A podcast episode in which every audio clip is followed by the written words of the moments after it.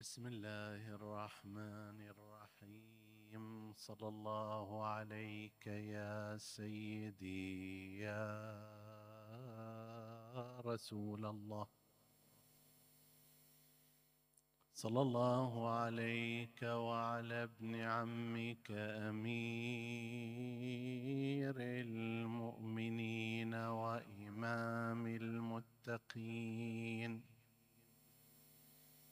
صلى الله عليك يا سيدي ويا مولاي يا أبا عبد الله الحسين.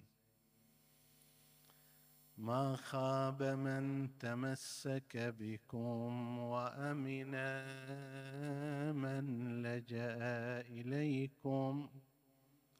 يا ليتنا كنا معكم فنفوز فوزا عظيما.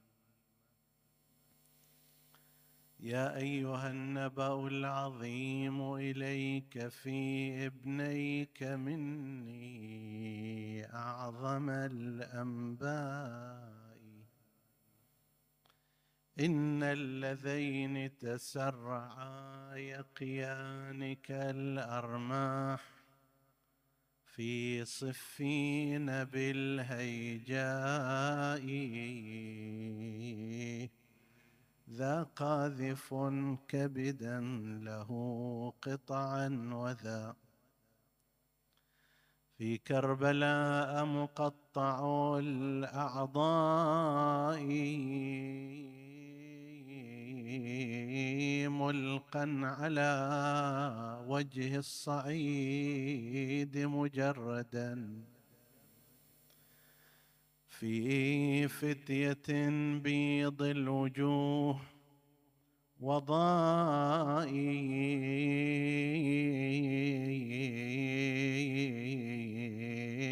رقدوا وما مرت بهم سنة الكرى وغفت جفونهم وغفت جفونهم بلا إغفاء.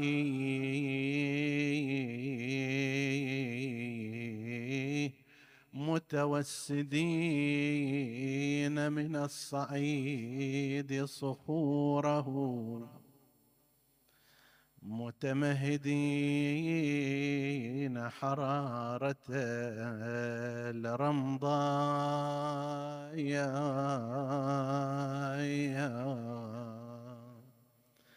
يا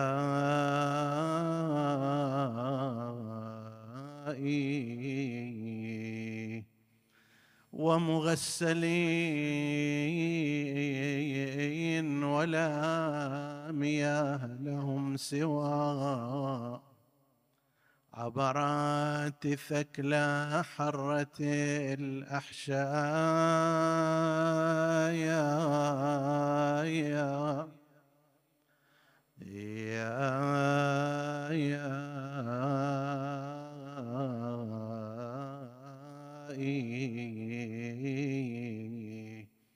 أصواتها بحت وهن نوائح يندبن قتلاهن بالإيماء وتقول عاتبة عليه وما عسى.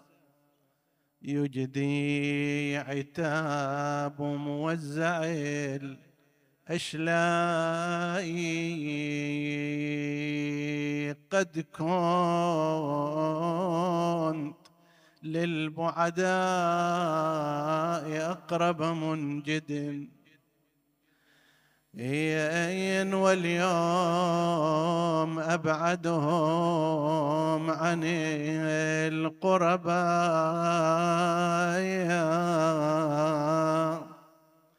يا يا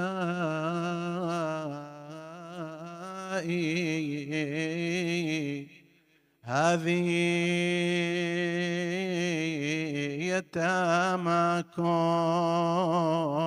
تلوذ ببعضها.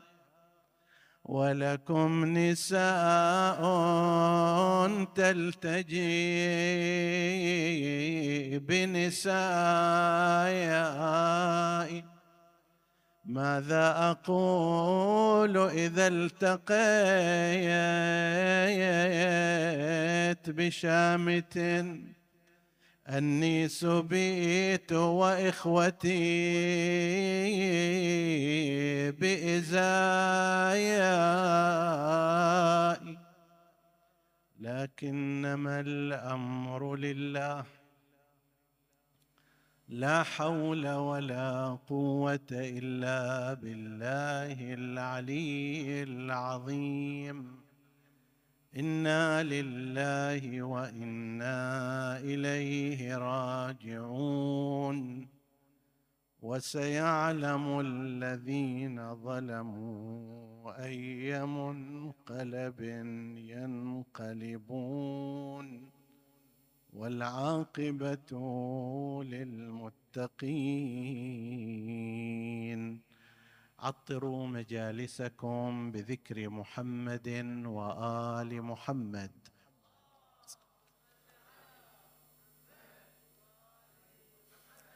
اللهم صل على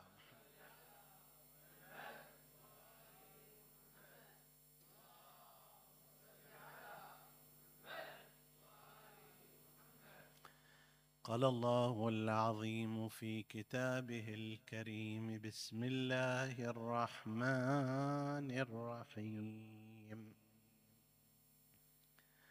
وما بكم من نعمة فمن الله.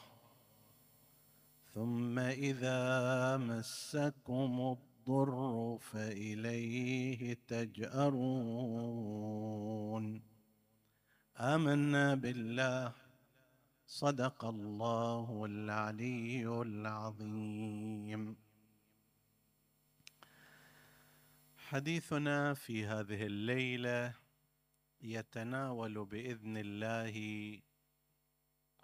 إجابة عن سؤال ماذا حققت المرجعية الدينية الشيعية في تاريخ التشيع؟ قد ذكرنا في ليلة مضت على سبيل الاختصار الشديد جدا. أسامي وسطورا عن بعض مرجعيات الطائفة العليا والكبرى ونحن على يقين أننا لم نستوعب ذكر هذه المرجعيات حتى على سبيل الاسم فإن ما لم نذكره من المرجعيات بل المرجعيات العليا هو أكثر بكثير مما ذكرناه وأشرنا إليه لكن طبيعة وبيئة الحديث ومراعاة الاختصار تقتضي الذي ذكرناه. ملاحظة قبل أن نبدأ في حديثنا في الإجابة على السؤال. عندما نتحدث عما حققت المرجعية الدينية نتحدث عن النظام. لا نتحدث بالضرورة عن الشخص المعين. لا يجي فد إنسان يقول أوه هذا المرجع أنت ما ذكرته ومرجعنا أنت ما صرحت إليه وما أشرت إليه. وأمثال ذلك هنا الحديث ليس في إطار ذكر الأشخاص وإنما في إطار تعظيم البرنامج تعظيم النظام. هذا النظام سواء كان في القرن الثالث الهجري أو في القرن السابع الهجري أو في القرن الرابع عشر الهجري أو بعد قرنين وثلاثة من الزمان. هذا النظام نظام ولاد لكفاءات استثنائية إذا حصل لها ظرف معين تتعامل معه بما يقتضي. فقد تجد مرجعية دينية يقتضي منها الظرف المحيط الدخول المباشر والصريح والواضح في الموضوع السياسي فتدخل فيه وتعطي الموقف المناسب وقد يقتضي من مرجعية أخرى عليا في نفس الزمان أو في غير ذلك الزمان أن تعتزل الموضوع السياسي لما هو أولى منه وأعظم وأكثر تاثيرا فتدخل في ذلك الموضوع الآخر وتعتزل هذا الجانب السياسي وتبدع فيه وتخدم الإسلام والمذهب خدمة عظيمة. فإحنا عندما نتحدث نتحدث عن المرجعية الدينية الشيعية. لا نتحدث عن المرجع الشيعي. وإن كان هذا النظام لا بد أنه يحتاج إلى شخص مؤهل كفوء كما وصفه الحديث المعروف عن الإمام العسكري عليه السلام. وأما من كان من الفقهاء إلى آخر الحديث الذي ذكرناه في ليلة مضت. فنحن إذا نتحدث عما حققته المرجعية الدينية كنظام وكطريق إدارة أشار إليه وبلغ عنه أئمة الهدى صلوات الله وسلامه عليهم. نعم هذا النظام ما يبقى عائم في الفضاء والهواء وإنما لا بد أن يتمثل في شخص يجمع هذه الصفات يكون هو الأفضل في جمعه للصفات المطلوبة وآنئذ تتحقق هذه الإنجازات وأمثالها على يده سوف نتحدث هذه الليلة اولا عما يرتبط بتحقيق المرجعية الدينية للحفاظ على الشريعة المحمدية في نسختها العلوية وهي منهج أهل البيت عليهم السلام وتحديدا ما يرتبط بفقه جعفر بن محمد الصادق.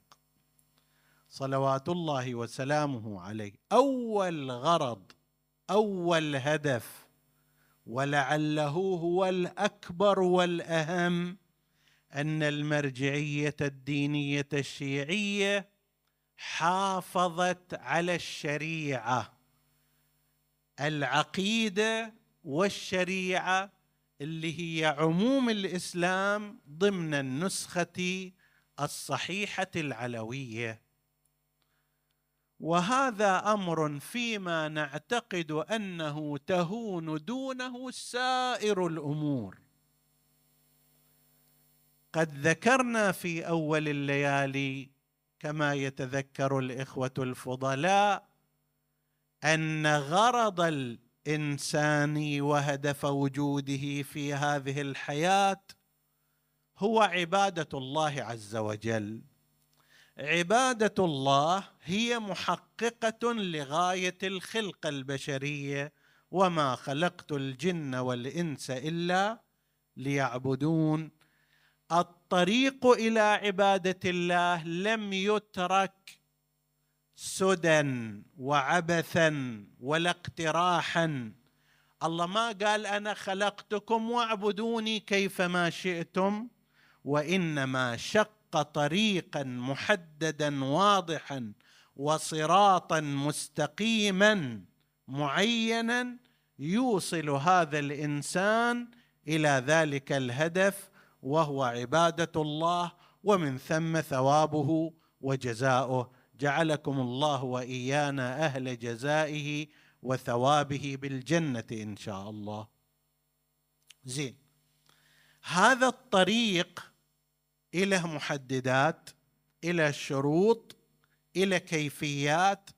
ما قال صلي كيفما شئت وصم بأي طريقة أردت وحج بأي كيفية اجتهد وإنما عين هذا الطريق هذا الطريق خلفه لنا رسول الله صلى الله عليه وآله ثم أئمة الهدى صلوات الله وسلامه عليهم وجاءت المرجعية الدينية والفقهاء الحافظون لدين الله والصائنون لأنفسهم والمخالفون لهواهم لكي يحددوا بشكل واضح تفاصيل هذا الأمر وهو ما نصطلح عليه الآن بالأحكام الشرعية. الرسالة العملية يفترض أنها البرنامج الذي يريده الله عز وجل ويريده رسول الله ويريده أئمة الهدى لكي يصل الإنسان من خلال السير على وفق هذه الرسالة العملية في عباداتها ومعاملاتها حتى يصل إلى صفة كونه عابدا لله عز وجل على النهج الذي أراده. طيب زين هذا يحتاج إليه إلى جهد كبير. يحتاج اليه إلى اجتهاد يحتاج اليه إلى استنباط يحتاج اليه إلى بحث واستفراغ الوسع. ليست القضية قضية عادية. ولذلك إحنا ننظر بنظر غير عادي لمن يستهزئ بمثل هذه الأمور. هاي صايرة بعض الكلمات الآن أحيانا حتى من بعد من بعض المثقفين بل من أهل العلم. أنه شنو علماءنا منشغلين بأحكام الحيض والنفاس والطهارة والنجاسة؟ نعم ينبغي أن أن ينشغلوا بذلك. لو لم ينشغلوا بذلك لكتموا العلم وخانوا أماناتهم. لتتصور أن قضية ما يسمونه مسائل الحيض والنفاس والطهارة والنجاسة ويقولها الواحد بلسان الاستهزاء؟ لا يابا هو هذا الدين. لازم أنت تستهزئ برسول الله لأنه جاء بهذه الأحاديث. وتستهزئ بجعفر بن محمد لأنه أصر في مئات الأحاديث. على ذكر أحكام النجاسة والطهارة والحيض والنفاس والجنابة والغسل والوضوء. شغله هو هذا. الإمام الصادق عليه السلام فتره إمامة من أطول الفترات. أربعة وثلاثين سنة كلها شغلها هو في هذا الموضوع الذي أنت أيها البعيد. طبعا لا لا وخاطب السامعين. هم أرقى من هذا المستوى. هذا الذي يقول كذا وكذا هو هذا شغل الإمام الصادق. هو اللي جاب الأحاديث والروايات والأخبار وقبله الإمام الباقر وقبله الإمام السجاد وبعدهما الكاظم والرضا وهو أكثر تفصيلا من أبيه الكاظم في هذه الأمور؟ طيب هم هذول اللي جابوها لعلمهم بأهمية هذا الموضوع. بعض الناس يجي يقول تعالوا تحدثوا لنا في الموضوع السياسي الكذائي. ليش علماءنا مشغولين بقضايا النجاسة والطهارة والحيض والنفاس؟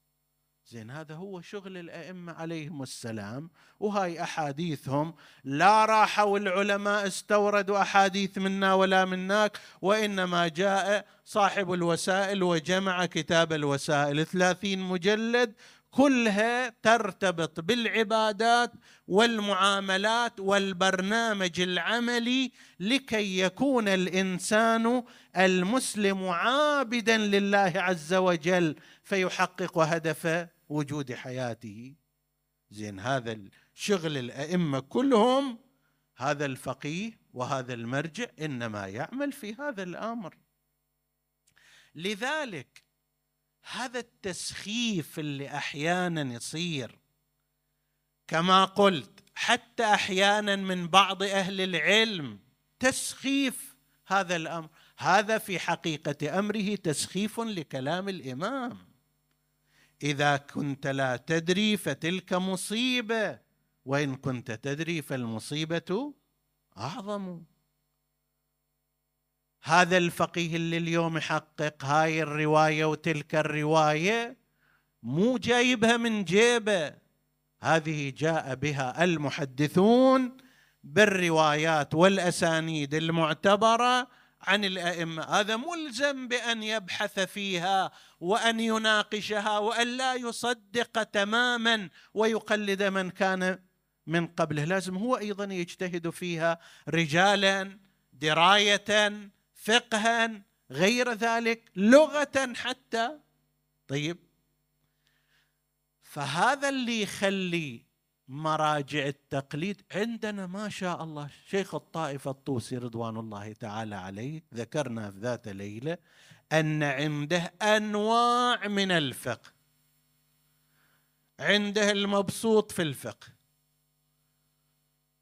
فقه تفريعي مفصل قريب من عشرين مجلد في بعض الطبعات. بين قوسين إحنا نقول في بعض الطبعات لأنها تختلف طبعة بلا تحقيق تختلف عن الطبعة مع التحقيق. هذه أكبر تلك أصغر. لكن هذا حجم الحجم العلمي لهذه الدورة. فقه مقارن فقه الخلاف يتعرض فيه إلى مو فقه المذاهب الخمسة إلى مذاهب ما إلها الآن أتباع ولكن من الناحية العلمية إلها دور فقه الليث وفقه الأوزاعي وفقه فلان وفقه فلان. طيب ويحققها ويناقشها ويثبت مذهب أهل البيت عليهم السلام. ورسالة عملية النهاية في مجرد الفتاوى والأحكام وغيرها. علام الحلي أيضا على نفس المنهاج. فد شيء حول مختلف الشيعة ما اختلف في فيه شيعة أهل البيت آراء فقهاء الإمامية في كل مسألة بحيث لو أن فقيها أراد أن يتعرف على آراء فقهاء أهل البيت من زمان شيخ الطائفة إلى زمان العلامة الحلي قريب من ثلاثمائة سنة يقدر يروح إلى كتاب مختلف الشيعة ويعرف آراء فقهاء أهل البيت عليهم السلام. وفقه مقارن عنده وكتاب قواعد الأحكام في الاستدلال على المسائل الفقهية وغير ذلك. جامع المقاصد قريب من ثلاثين مجلد الشيخ علي عبد العالي الكركي رضوان الله تعالى عليه. الجواهر قريب من خمسة وأربعين مجلد جواهر الكلام. وهكذا وعلى هذا المعدل. زين. هذه فيما يرتبط بالفقه ولا يزال ولادا. أنا أحيانا أطلع برا حتى بعض الأفكار البائسة التي تبث هنا وهناك تتبين تبين إيش يقول لك شنو واحد يريد يقول في موضوع الوضوء والغسل والغسل والصلاة وكذا؟ نعم.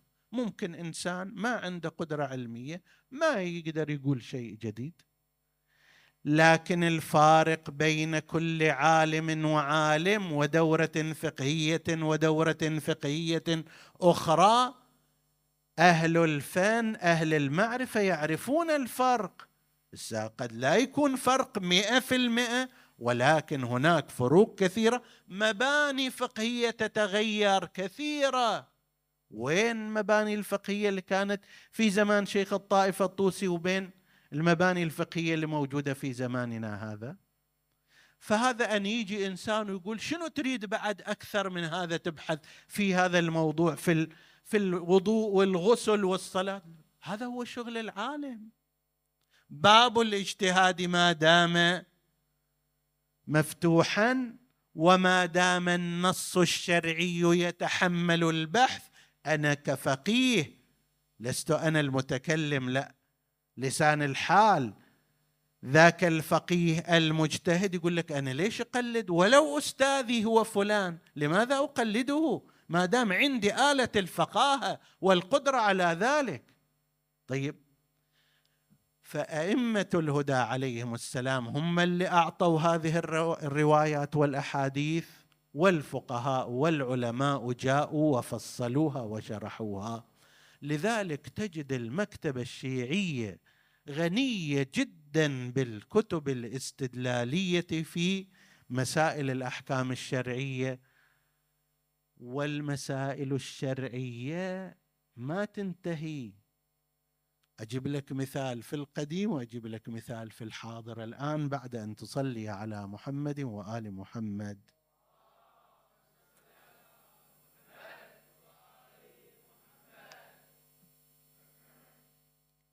زرارة ابن أعين الشيباني. محدث وفقيه من تلامذة الباقر وتلامذة الصادق عليهم عليهما السلام. يقول له للإمام الصادق وقد أراد الانصراف عنه قال سيدي يا أبا عبد الله منذ أربعين سنة أنا أسألك في الحج وأنت تجيبني. أربعين سنة؟ صار لي أسألك وأنت تجاوب. شنو هاي؟ ما تخلص. فقال له يا زرارة بيت أحج الله إليه عباده قبل آدم بألفي عام تريد أن تنتهي مسائله في أربعين سنة؟ هذا البيت قبل آدم كان موجود.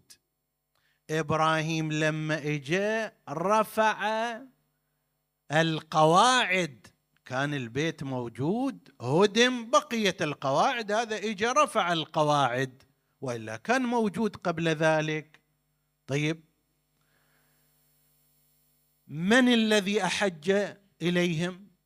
بناء بناء على نظرية إن قبل آدمكم هذا ألف آدم وقبل عالمكم هذا ألف عالم. هو واضح؟ لا تتصور أنه أنتم أيها البشر هم كل شيء. لا عمي. أنتم جزء من هذه السلسلة في الخلق. آخر الأوادم أنتم لعله آخر الأوادم. الله العالم يمكن بعدنا يجون جماعة. بس أكو عندنا روايات وفيها الصحيح وهي التي لا يستطيع غيرنا أن يستشكل علينا كما يستشكلون على المسيحيين. في أنه كيف تقولوا خلق الخلقة البشرية سبعة آلاف سنة والحال أن البحوث الأركيولوجية وما أدري الآثارية تشير إلى وجود ملايين ومئات الألوف من السنوات قبل هذا الآدم الذي قبل سبعة آلاف سنة. إذا قبلنا هذه النظرية أن قبل آدمكم هذا ألف آدم وقبل عالمكم ألف عالم وقلت فيها روايات صحيحة في هذا الباب ما في مشكلة. أو إذا لا قد يكون أحج الله الملائكة حول ذلك البيت ويقول له أنا منذ أربعين سنة أسألك مع أنه زرار عاصر الإمام الصادق عليه السلام 36 سنة فيما قيل. فإما بناء على التقريب حيث جرت عادة العرب عندما يكون شيء أكثر من ثلاثين مثلا بمقدار يصير ستة وثلاثين بعد ما يجي يحددها ستة وثلاثين سنة وأربعة أشهر وثلاثة أيام وأربع ساعات فيقول أربعين سنة. طيب. فهذه إذا كان في مسائل الحج فكيف بسائر المسائل؟ سألت. أخانا العلامة الشيخ ضياء الدين ابن المرجع الديني شيخ محمد أمين زين الدين رحمه الله. يعتبر تعتبر رسالته العملية في هالأزمنة هذه أوسع الرسائل العملية كلمة التقوى. أنه كم كم مسألة في هذا؟ فكلف أحدا بأن يحصي ذلك طلع تسعة آلاف ومئتين وكذا وأربعين يعني قريب عشرة آلاف مسألة من مسائل الفقه. المرحوم سيد الخوي عند صراط النجاة ما جمعه أحد طلاب العلم في الاستفتاءات والأجوبة عشرة مجلدات معدل كل مجلد فيه قريب ألف ألف وشيء من المسائل يعني عشرة آلاف مسألة. هذه التي أحصيت ومن مرجعية هكذا زين.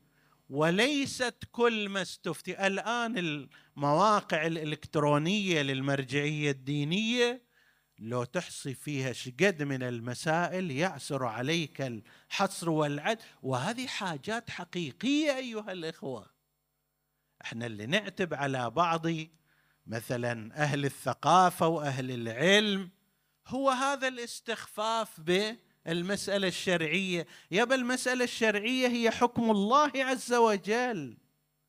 المسألة الشرعية هي طريق الإنسان لتحقيق هدف خلقته في أنه عابد لله. ماكو شيء يسواها. يقول العالم قاعد يسوي ما أدري آيفون 14 وإحنا بعدنا نحكي فيه. ال ما أدري مسائل الحيض والنفاس وما شابه. طيب ذاك هم يسوي شغله لأمر دنيوي. أقصى غايته أنه يريحك في هذه الدنيا لكن هذا الأمر هذا الشيء لا ينقذك إذا كان اتجاهك خاطئا يوم القيامة. لا يدخلك الجنة لا يحقق هدف خلقتك من العبودية لله عز وجل. لا أريد أن أستخف بهذه الإنجازات البشرية هي إنجازات مقدرة ولكن غايتها هو تحسين حياتك في هذه الدنيا. هذا غرض جيد لا بأس به. ذاك الأمر الغرض ماله تحقيق هدف وجودك في هذه الحياة أن تكون عابدا لله أو غير عابد أن تكون ناجيا يوم القيامة أو غير أو غير ناج. فلماذا يستخف بها؟ فاولا مما حققته المرجعية أنت لما تشوف هذا تيجي في مثل هالايام تشوف ما يقابل المرجعية الدينية مثلا في الحالة المسيحية بعض الكنائس بعض الكنائس الرسمية الكبرى في هذا العالم اليوم تجيز ماذا؟ تجيز هالاتجاهات الشاذة وغير المتوافقة لا مع الفطرة ولا مع الدين الأصلي الذي يتدينون به ولا مع الأخلاق طيب هو هذا فتوى الذي تصنعه الكنيسة الفلانية هي فتوى. بس هالفتوى وراها جريان مجتمع كامل في الخطأ. انحراف تام مو في جيل وإنما في أجيال متتالية. وراء هذه الفتوى يصير أن المجتمع الغربي من من قبل 400 سنة أو نحو ذلك ترك الدين وترك كنيسة وترك هذه الأمور. أنت عندك مرجعية دينية حتى في كيف تغسل يدك لأجل أن تتوضأ تقول لك هذا طريق صحيح وذاك طريق غير صحيح. فهذا واحد من الأمور فيما يرتبط بالأحكام. الجهة الأخرى ما يرتبط بالعقائد والتحديات الفكرية.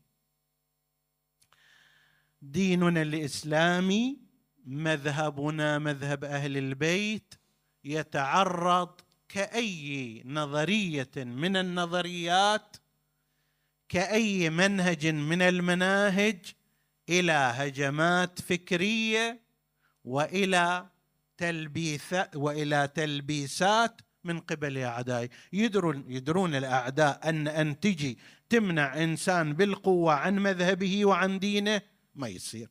شنو اللي يصير؟ اللي يصير أن الذب إلى الشبهة إذا ذبيت إلى الشبهة يمكن الحاضرون أمامي حفظهم الله والسامعون واعون يعرفون القضايا ولكن قد يكون ابني وحفيدي لا يجد جوابا على ذلك وبالتالي سينحرف طواعية عن الدين. ما يحتاج أحد يجبره عليه. ما يحتاج يضغطون عليه حتى يترك الإسلام ومذهب أهل البيت. لا هو بنفسه بعد يأخذ الشبهة يعتقدها ما دام ما عنده جواب وفي الطرف الآخر أيضا قد ينشرها.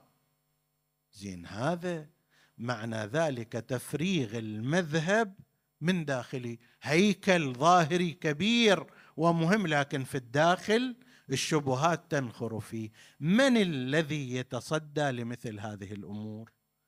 المفروض أنه الحوزة العلمية المفروض أنه أهل المعرفة الدينية وفي طليعتها المرجعيات الدينية. ولذلك بعض علمائنا من المرجعيات والذين كانوا في هذا المستوى أصلا تركوا تركوا الموضوع الفقهي المعتاد وراحوا وراء تلك الأمور. مثال على ذلك المرحوم الشيخ محمد جواد البلاغي. أستاذ مثل السيد الخوئي وأستاذ السيد الحكيم وهالجيل هذا؟ كان من الممكن أن تصل إليه المرجعية وهو أهل لها وفي محلها مفسر قدير للقرآن الكريم فقيه من الفقهاء. طيب لكن رأى أن الحملة التبشيرية على البلاد الإسلامية القادمة متعاونة مع الاستعمار الفرنسي والبريطاني هذه تحتاج إلى مواجهة فكرية ذولا جايين يبثون شبهات حول سيرة وحياة سيد الأنبياء محمد.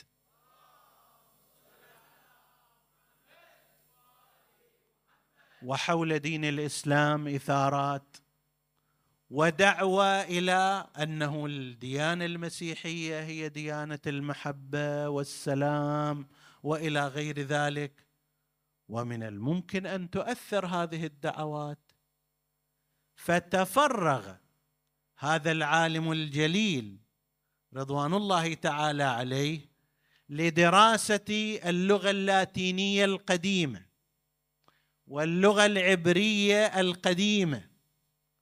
بالإضافة إلى دراسة كتب العهدين القديم والجديد التوراة والإنجيل دراسة مستوعبة حتى ليكاد يحفظ تلك الأسفار.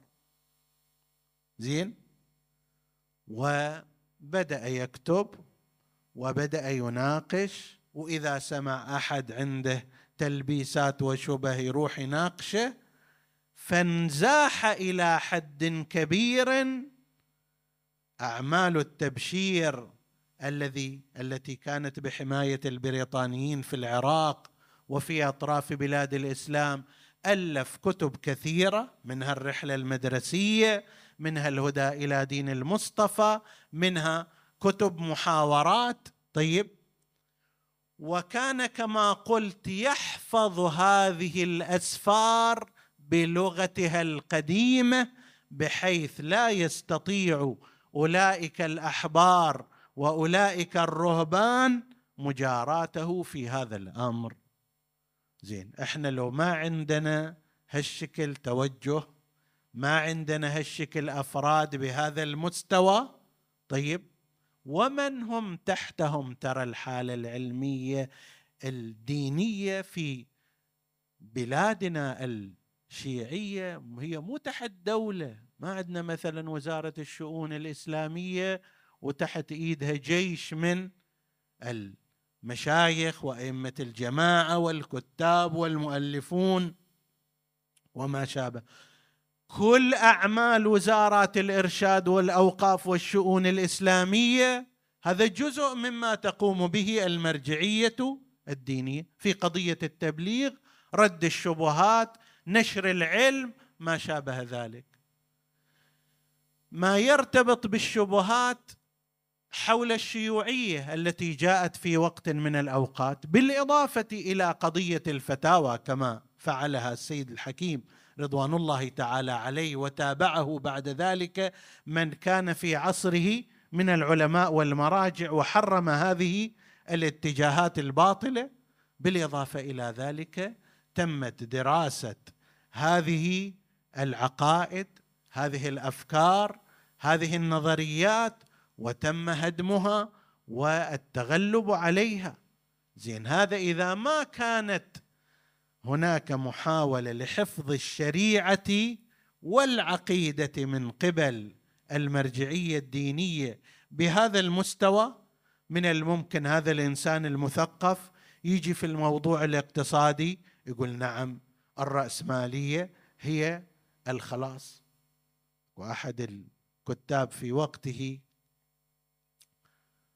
من أصل ياباني تجنس امريكيا وكتب كتابا يعتبر فيه أن التاريخ بعد خلاص انتهى والعالم كله باتجاه الرأسمالية باعتبار أن العقل البشري اختار هذا النظام كأفضل نظام يمكن أن يدير حياة الإنسان الاقتصادية. زين قد يأتي شخص مثقف ويقرأ مثل هذا وعنده من الأفكار هذا الكتاب ما قد يقنع هذا المثقف أو هذا الشاب أو مثلي وأمثالي. يحتاج إلى أن يأتي واحد ويرد على ذلك ويألف كتاب اقتصادنا مثل السيد الشهيد رحمة الله عليه.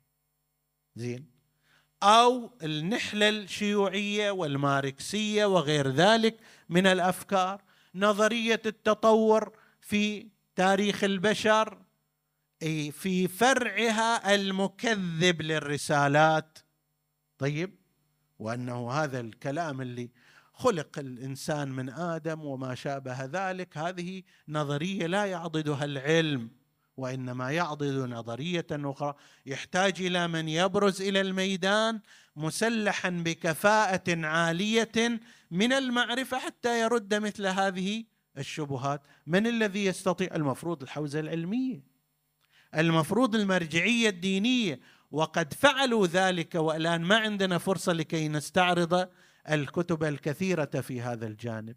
ما يرتبط بالخلاف المذهبي كما أنه عندنا مشكلة مع الخارج أكو عندنا مشكلة في الداخل الإسلامي. هناك قسم من الناس ما يألفون طريقة نحن بما عندنا وأنت بما عندك راض والرأي مختلف. أنتم روحوا وراء علي بن أبي طالبكم وإحنا هم نروح وراء زيد وعامر مالنا. طيب ما ما يقبلون بهذا؟ يابا خلونا على راحتنا. لا يريد يجي يعتقد أنك في نار جهنم إلا قوة يريد يطلعك من عدا يابا أنا مرتاح في هذه نار علي هي جنة إن كان هناك نار. ولكنها هي الجنة وهو قسيم الجنة والنار. لا هذا يجي يقول لك لا. أنت خطأ في كذا وأنت مخالف للسنة في كذا وأنت كذا وأنت مشرك وأنت تعبد القبور وأنت وأنت إلى آخره. زين يحتاج هذا إلى من يبرز إلى الميدان ليرد الشبهات. لأنه قد يكون أنت الذي تسمعني الحمد لله إنسان واعي قارئ سامع مفكر لكن كما قلت الجيل اللي بعدك من الممكن أن يتأثر يحتاج هنا إلى أن تبرز المرجعية الدينية تأسس المؤسسات وهذا سيكون حديث بعدها وتنتج الكتاب والخطاب والرأي والرد حتى تحفظ إيمان المؤمنين. فأول شيء نعتقده وأهم شيء نعتقده بحيث لو لم تفعل المرجعية الدينية إلا هذا لكان شيئا عظيما وكبيرا هو حفظ العقيدة وحفظ الشريعة في نفوس المؤمنين إبقاء هذا الطريق النبوي العلوي الصادق الإمامي الاثني عشري طريق العباده ممهد إلى أن يصل الإنسان إلى جنة الله عز وجل إبقاءه على طول الخط مفتوح إبقاءه على طول الخط مبرهن مستدل لا يوجد فيه خلل ولا زلل. كذلك ما يرتبط بالعقيدة ودفع الشبهات عنها على مستوى الأديان وعلى مستوى ما بعد الأديان يعني على مستوى الإيمان في مقابل غير المؤمنين بدين أصلا وعلى مستوى الأديان في مقابل مثل اليهود والنصارى وعلى مستوى المذاهب في مقابل مثل سائر المذاهب التي تشكك في مذهب أهل البيت عليهم السلام. فهذا من الأمور الأساسية التي حققتها المرجعية الدينية ولا تزال كذلك. ونسأل الله أن يوفق مراجع الدين وعلماء الإسلام للاستمرار في هذا المنهاج حتى يوصل المؤمنين إلى حيث أراد الله عز وجل. أمر ثاني صيانة إيمان المؤمنين. الإنسان عن نفسه مسؤول أن يصون إيمانه ومسؤول بدرجة أخرى عن أهله. قوا أنفسكم وأهليكم نارا وقودها الناس والحجارة. لكن خارج هذا الإطار ربما يقول لك الإنسان أنه أنا أقصى ما أستطيع أن أصنعه هو أمر هو إرشاد للجاهل إن كان جاهلا أو أمر بمعروف إن كان غير جاهل. أكثر من هذا ما مطلوب مني. هل مطلوب مني أن أنفق أموالي حتى العائلة الفلانية مثلا تصير طيبة وتصير كذا؟ ليس واجبا علي. شيء حسن طيب مستحب. حب لأخيك ما تحب لنفسك ولكن واجب علي لا. من إذا يحمي إيمان المجتمع والناس عموما؟ إذا أنا ما علي هذا الواجب وانت هم ما عليك هذا الواجب إلا على نحو الاستحباب والعمل الأخلاقي. أكرمنا الله سبحانه وتعالى حينما قال وما بكم من نعمة فمن الله. أنعم الله علينا. حقيقة في هذا بالنسبة إلى المذهب الإمامي أنعم الله على الإمامية بشيء لم يتوفق إليه غيرنا. نحن ندعو الله أن يهتدي الآخرون إلى هذا المنهاج. لكن إلى الآن لا تجد هذا لا تجد مرجعية دينية بالمواصفات التي تحملها المرجعية الدينية الشيعية في أي مكان في الدنيا. لا الآن ولا سابقا إلى زمان رسول الله صلى الله عليه وآله.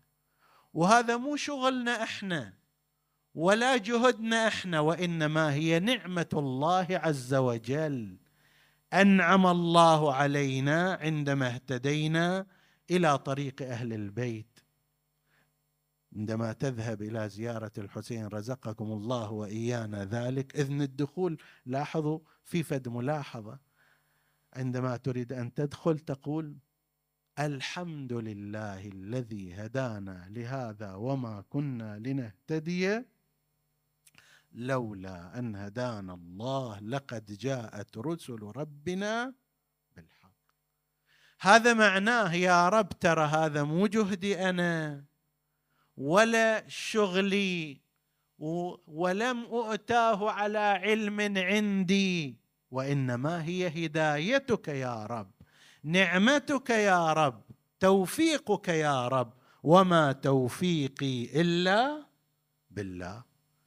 فالله سبحانه وتعالى أكرمنا وأنعم علينا وتفضل علينا من غير استحقاق منا ولا حق لنا عليه أن هدانا إلى هذا الطريق.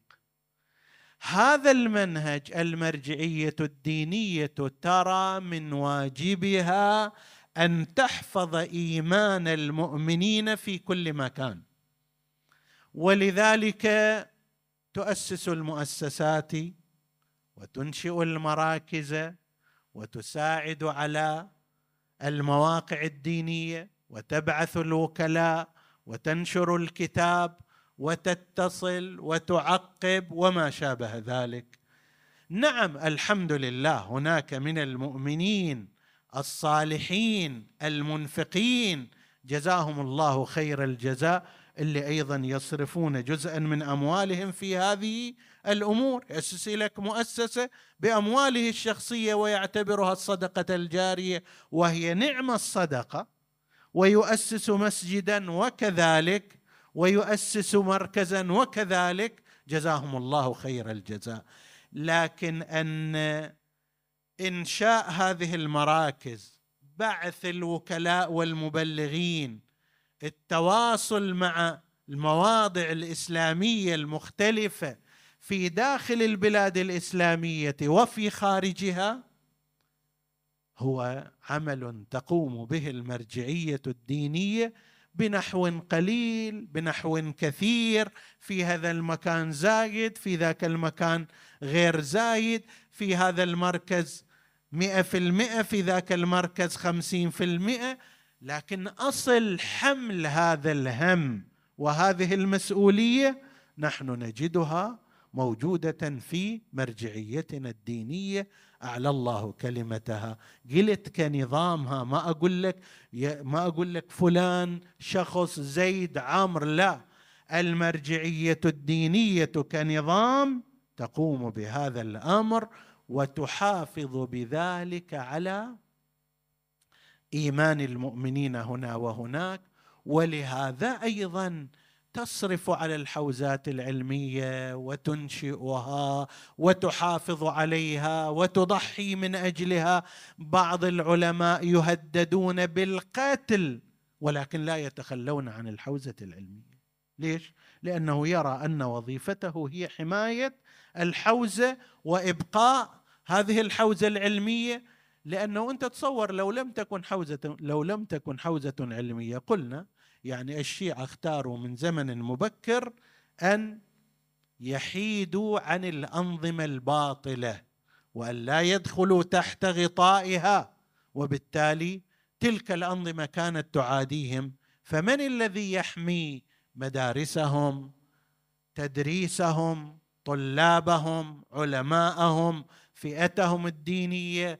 أئمة جماعتهم غير ذلك اطلعت بهذا الأمر المرجعية الدينية الشيعية في كل مكان ساعدها في ذلك ما يرتبط بالانفاقات الشرعية التي نسميها بالحقوق الشرعية حيث أن يجب على كل مؤمن أن يدفع خمس ماله من مكاسبه الزائده على نفقات مؤونته في كل سنة على نفسه وعلى عياله وعلى هداياه وعلى زياراته وعلى بما يتناسب مع مستواه الاجتماعي.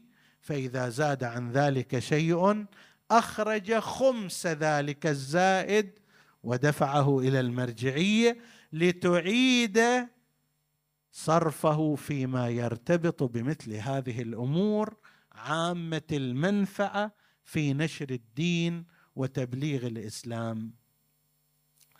هناك أمران آخران نتحدث عنهما إن شاء الله في ليلة أخرى. قسم منها يرتبط بحفظ الكيان الشيعي وقسم آخر يرتبط بحفظ استقلال الأمة الإسلامية في أعمال سياسية مهمة قامت بها المرجعيات الدينية في أوقات مختلفة. نترك هذا الحديث إلى وقت آخر ونبقي حديثنا في هذا الاتجاه. مجموع هذه الذي ذكرناها من حفظ العقيدة والأحكام من تأسيس المراكز والمؤسسات لحفظ الإيمان في نفوس المؤمنين في داخل البلاد المسلمة وفي خارجها وكذلك ما يرتبط بتأسيس المراكز والحوزات العلمية التي تحافظ على تراث أهل البيت وهدايتهم للناس. هذا كله ينتهي إلى حفظ الدين وهو الغرض الأقصى الذي جاء من أجله رسول الله صلى الله عليه وآله.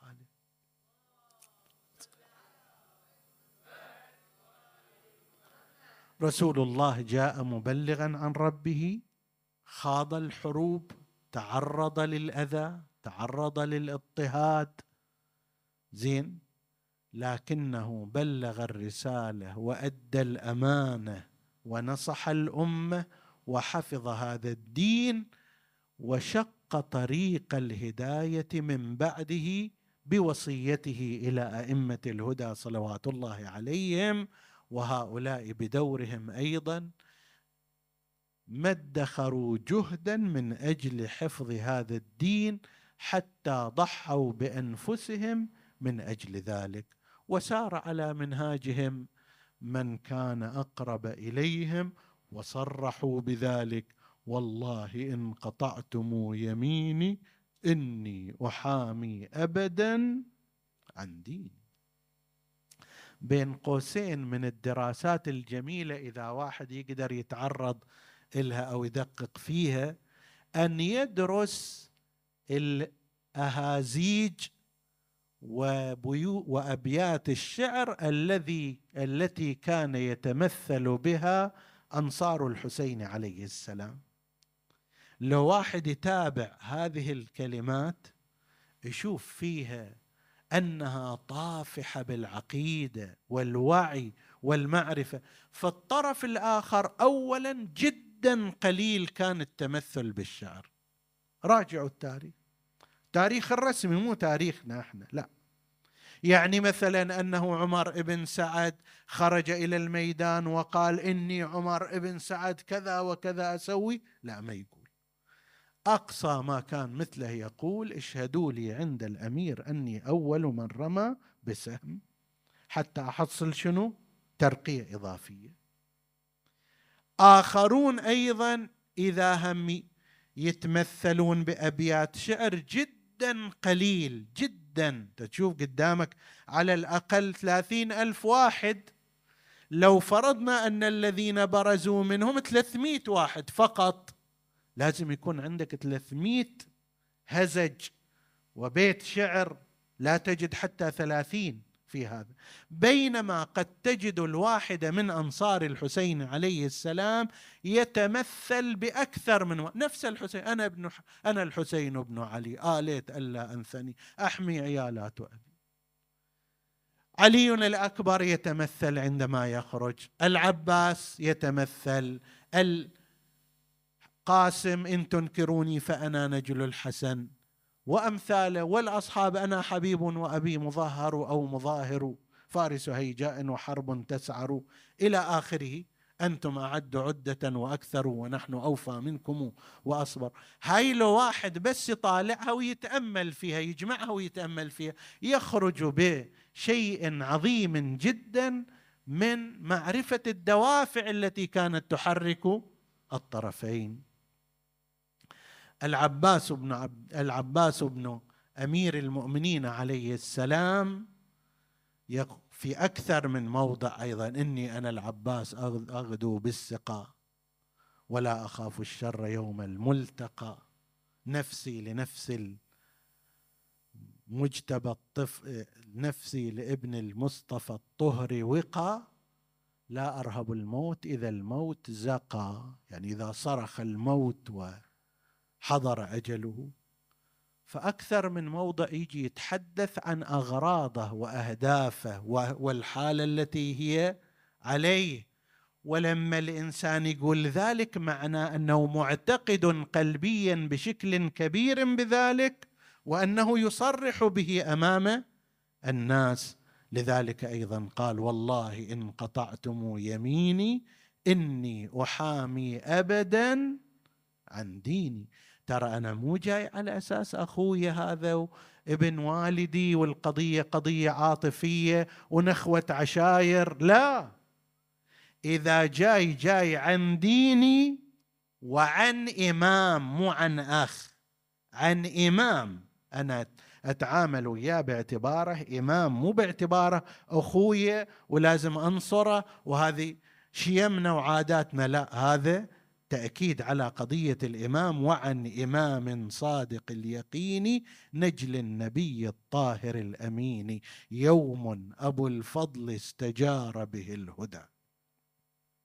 شيخ الأزري رضوان الله تعالى عليه ينقل أنه عندما قال هذا البيت من الشعر توقف. كيف يعني؟ يوم أبو الفضل استجار به الهدى يعني الحسين استجار بأبي الفضل العباس. فتوقف عن ذلك قيل إنه عندما كان في المنام رأى في الرؤيا الإمام الحسين عليه السلام قال له أكمل يا شيخ. يوم أبو الفضل استجار به الهدى والشمس من كدر العجاج لثامها. فحمى عرينته ودمدم دونها ويذب من دون الشرى ضرغامها بطل أطل على العراق مجليا فصوصبت فرقا تمور. شآمها فكأنه نسر بأعلى جوها جلى فحلق ما هناك حمامها حتى إذا ملك الشريعة. واتكى من فوق قائم سيفه قمقامها يشرب أبو فاضل.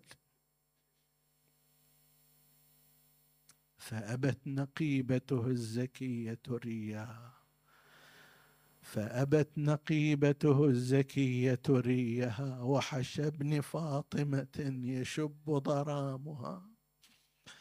أنا شلون أشرب وأخوي حسين عطشان سكنة والحرام وأطفال رضعان سكينة قالت له وهو خارج عم أبو فاضل هلا جلبت لي شيئا من الماء. سكنة والحرام وأطفال. رضعايان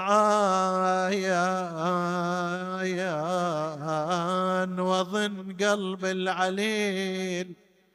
التهب نيران يا ريت الماء. بعد لا حلو ما رمى الماء على الماء ولم يشرب قطرة من كر راجعا إلى الخيمة لكن هل وصل بالقربة أم وصل إلى الخيمة منعه ذلك السهم الذي شق قربة المياه والسهم الآخر الذي تنشب في عينيه. وثلث ذلك عمد الحديد بكربلاء خسف القمر. من هاشم فلتبكي عليا مضار. أو ما درت عن مهره السج عن مهره العباس خار. فأتى إليه الصبط ينعاه كسار. الآن ظهري يا أخي. ومعيني جاء إليه. نادى الآن انكسر ظهري. قلت حيلتي شمت بي. عدوي يا خويا انكسر ظهري ولا أقدر قوم آه أنا صريت مركز يا خويا الكل ليه آه يا خويا استوحدوني عقبك. آه آه عباس تسمع زينبا تدعوك من لي يا حماي؟ إذا العدا سلبوني نسألك اللهم وندعوك. باسمك العظيم الأعظم الأعز الأجل الأكرم يا الله. اغفر لنا ذنوبنا كفر عنا سيئاتنا آمنا في أوطاننا. لا تسلط علينا من لا يخافك ولا يرحمنا ولا تفرق بيننا وبين محمد وآله طرفة عين. فضل اللهم إخواني السامعين فردا فردا واقض حوائجهم. اشف اللهم مرضاهم لا سيما المرضى المنظورين ومن أوصانا بالدعاء. وفرج اللهم عن إخواننا المكروبين فرجا عاجلا قريبا. تقبل اللهم عمل المؤسسين بأحسن القبول إلى أرواح موتاهم وموتى السامعين. نهدي ثواب الفاتحة تسبقها الصلوات.